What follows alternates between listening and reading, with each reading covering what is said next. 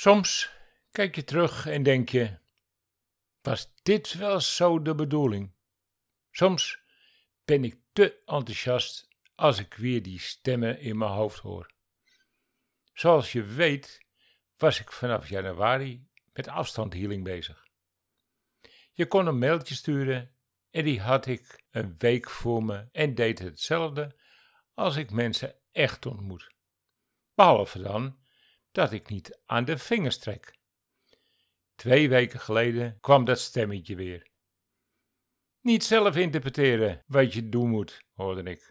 Zo heb je nooit gewerkt en ik vraag dat dus ook niet van je op dit moment, ging het verder. Stop daarmee en lees de Bijbel wat daar beschreven staat, ging het weer verder. Dus was ik de afgelopen weken daarmee bezig. Ik kom niet echt uit een christelijk gezin. Mijn moeder wel, maar mijn vader wilde niets met de kerk te maken hebben. Hoewel ik als eerste kind wel gedoopt ben, kwamen we nooit in de kerk. Maar rond mijn zestiende ging ik vaak met mijn buurjongen naar zondagschool. Die bijbelse verhalen boeiden me toen enorm. Maar tot op heden nooit meer op een zondag in een kerk geweest. En een Bijbel had ik vandaag de dag ook niet echt in huis. Maar je kunt tegenwoordig alles vinden op internet.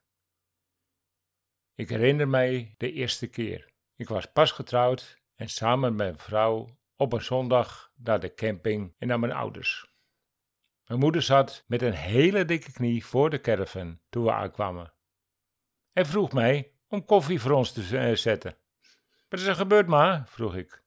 Vrijdagavond uitgegleden onder de koude douche. Mag ik even mijn hand op de knie leggen? hoorde ik mezelf zeggen. Na twee minuten de knie vastgehouden te hebben, zei ik: Volgens mij zet je beter koffie dan ik. Ik help je wel met opstaan. Ze keek naar haar knie en het was weer gewoon zoals het was en ze kon ook zonder pijn weer verder lopen. Ze huppelde zelfs over de camping omdat ze blij was dat na twee dagen de knie over was. Natuurlijk was ik ook blij, maar ik schrok van mezelf. Ik wist echt niet wat ik die eerste keer toen deed. Eigenlijk vond ik mezelf eng. Ik was er de eerste jaren niet blij mee en liep eigenlijk met mijn handen op mijn rug. Het was tijdens de koffie dat ze het over haar oma had, die ik zelf nooit gekend heb. Mijn overgrootmoeder was healer in een kerk ergens in Brabant. Dus zal ik wel iets in mijn DNA hebben zitten van haar. Eigenlijk deed ik wel meer healingen maar maakte er geen reclame over. Een paar jaar later stond ik langs de lijn van een sportveld met een zoontje van een vriend te kijken. Die zoon werd halverwege tegen zijn schenen geschopt en het moest strompelend het veld verlaten. Ik liep naar die zoon toe en vroeg of ik zijn enkel even vast mag houden. Ook dit keer twee minuten de enkel met beide handen vastgehouden en verrassend Daarna rende hij weer gewoon het veld op, alsof er niks gebeurd was. Ik begon het steeds normaler te vinden. Maar om hier je geld mee te verdienen, zag ik echt niet zitten. Dus blijf ik voor vrienden en kennissen op de achtergrond dit werk wel doen. Nu ik terugkijk op de laatste weken en via mailwerk, zie ik het verschil. Ook hetzelfde resultaat? Natuurlijk niet. Het werkt alleen bij mij als ik mijn handen ergens op leg. Want ik doe voor de rest hetzelfde. De energie moet doorstromen. Ik zie het als een batterij die opgeladen moet worden. Ik ben de oplader en jij die lege batterij. Maar kan ik dat omdat mijn overgrootmoeder dat ook had? Of? Dat was eigenlijk de reden dat ik dacht: ik ga terug naar ons begin. En daar ik dagelijks op YouTube dingen opzoek, vond ik daar de luisterbijbel.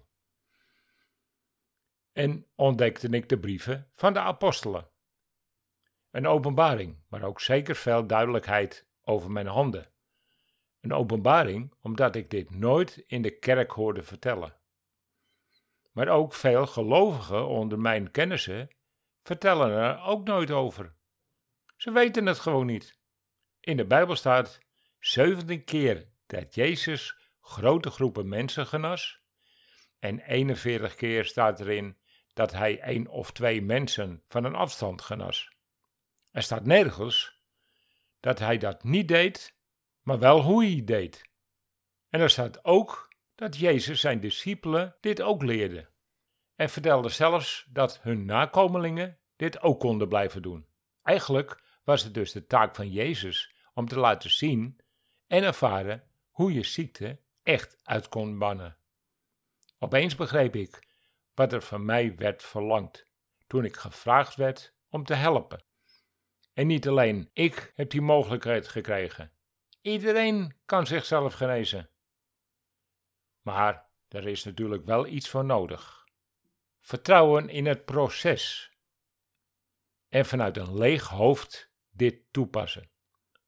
En daar ik mijn hele leven al geen overtuigingen over anderen heb, of andere rare gedachten, was het voor mij al langer mogelijk om mensen op diverse vlakken te bij te staan. Vanaf nu dus geen afspraak meer per mail, maar via beeld. Een half uurtje FaceTime, Zoom of Messenger zijn in deze tijden de logische weg voor mij. Ik snap ook nu beter waarom de kerken dit niet echt meer promoten. Een healing in de kerk heeft niet echt succes opgeleverd. Volgens mij zien ze zieken als een resultaat van een zonde, maar Jezus vroeg nooit waardoor ze ziek waren. Het enige wat hij vroeg was: geloof jij? En vaak was het al gebeurd voordat hij zijn handen had geplaatst.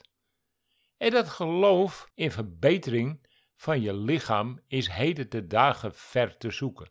En er is er nog iets. Hij vertelde de discipelen dat hij werkte vanuit het spirituele. Zijn woorden waren spiritueel en verbeterden het spirituele lichaam. En dat spirituele lichaam zorgt dat het fysieke lichaam daarop gaat reageren.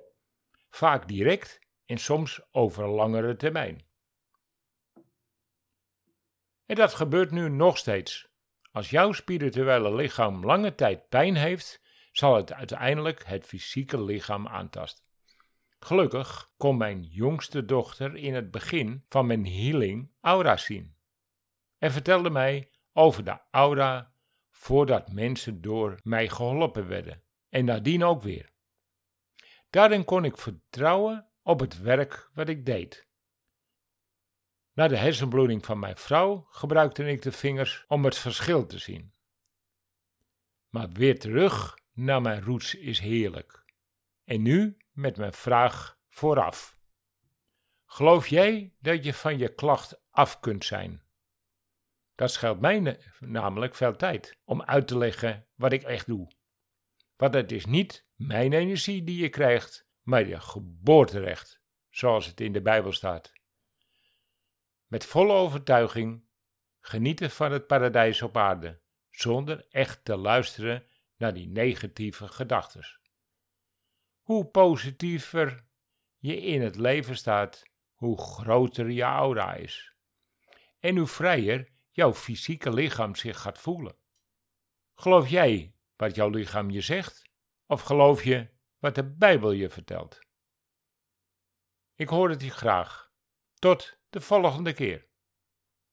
Ik ben Ruud Overstegen. R-O-H-M.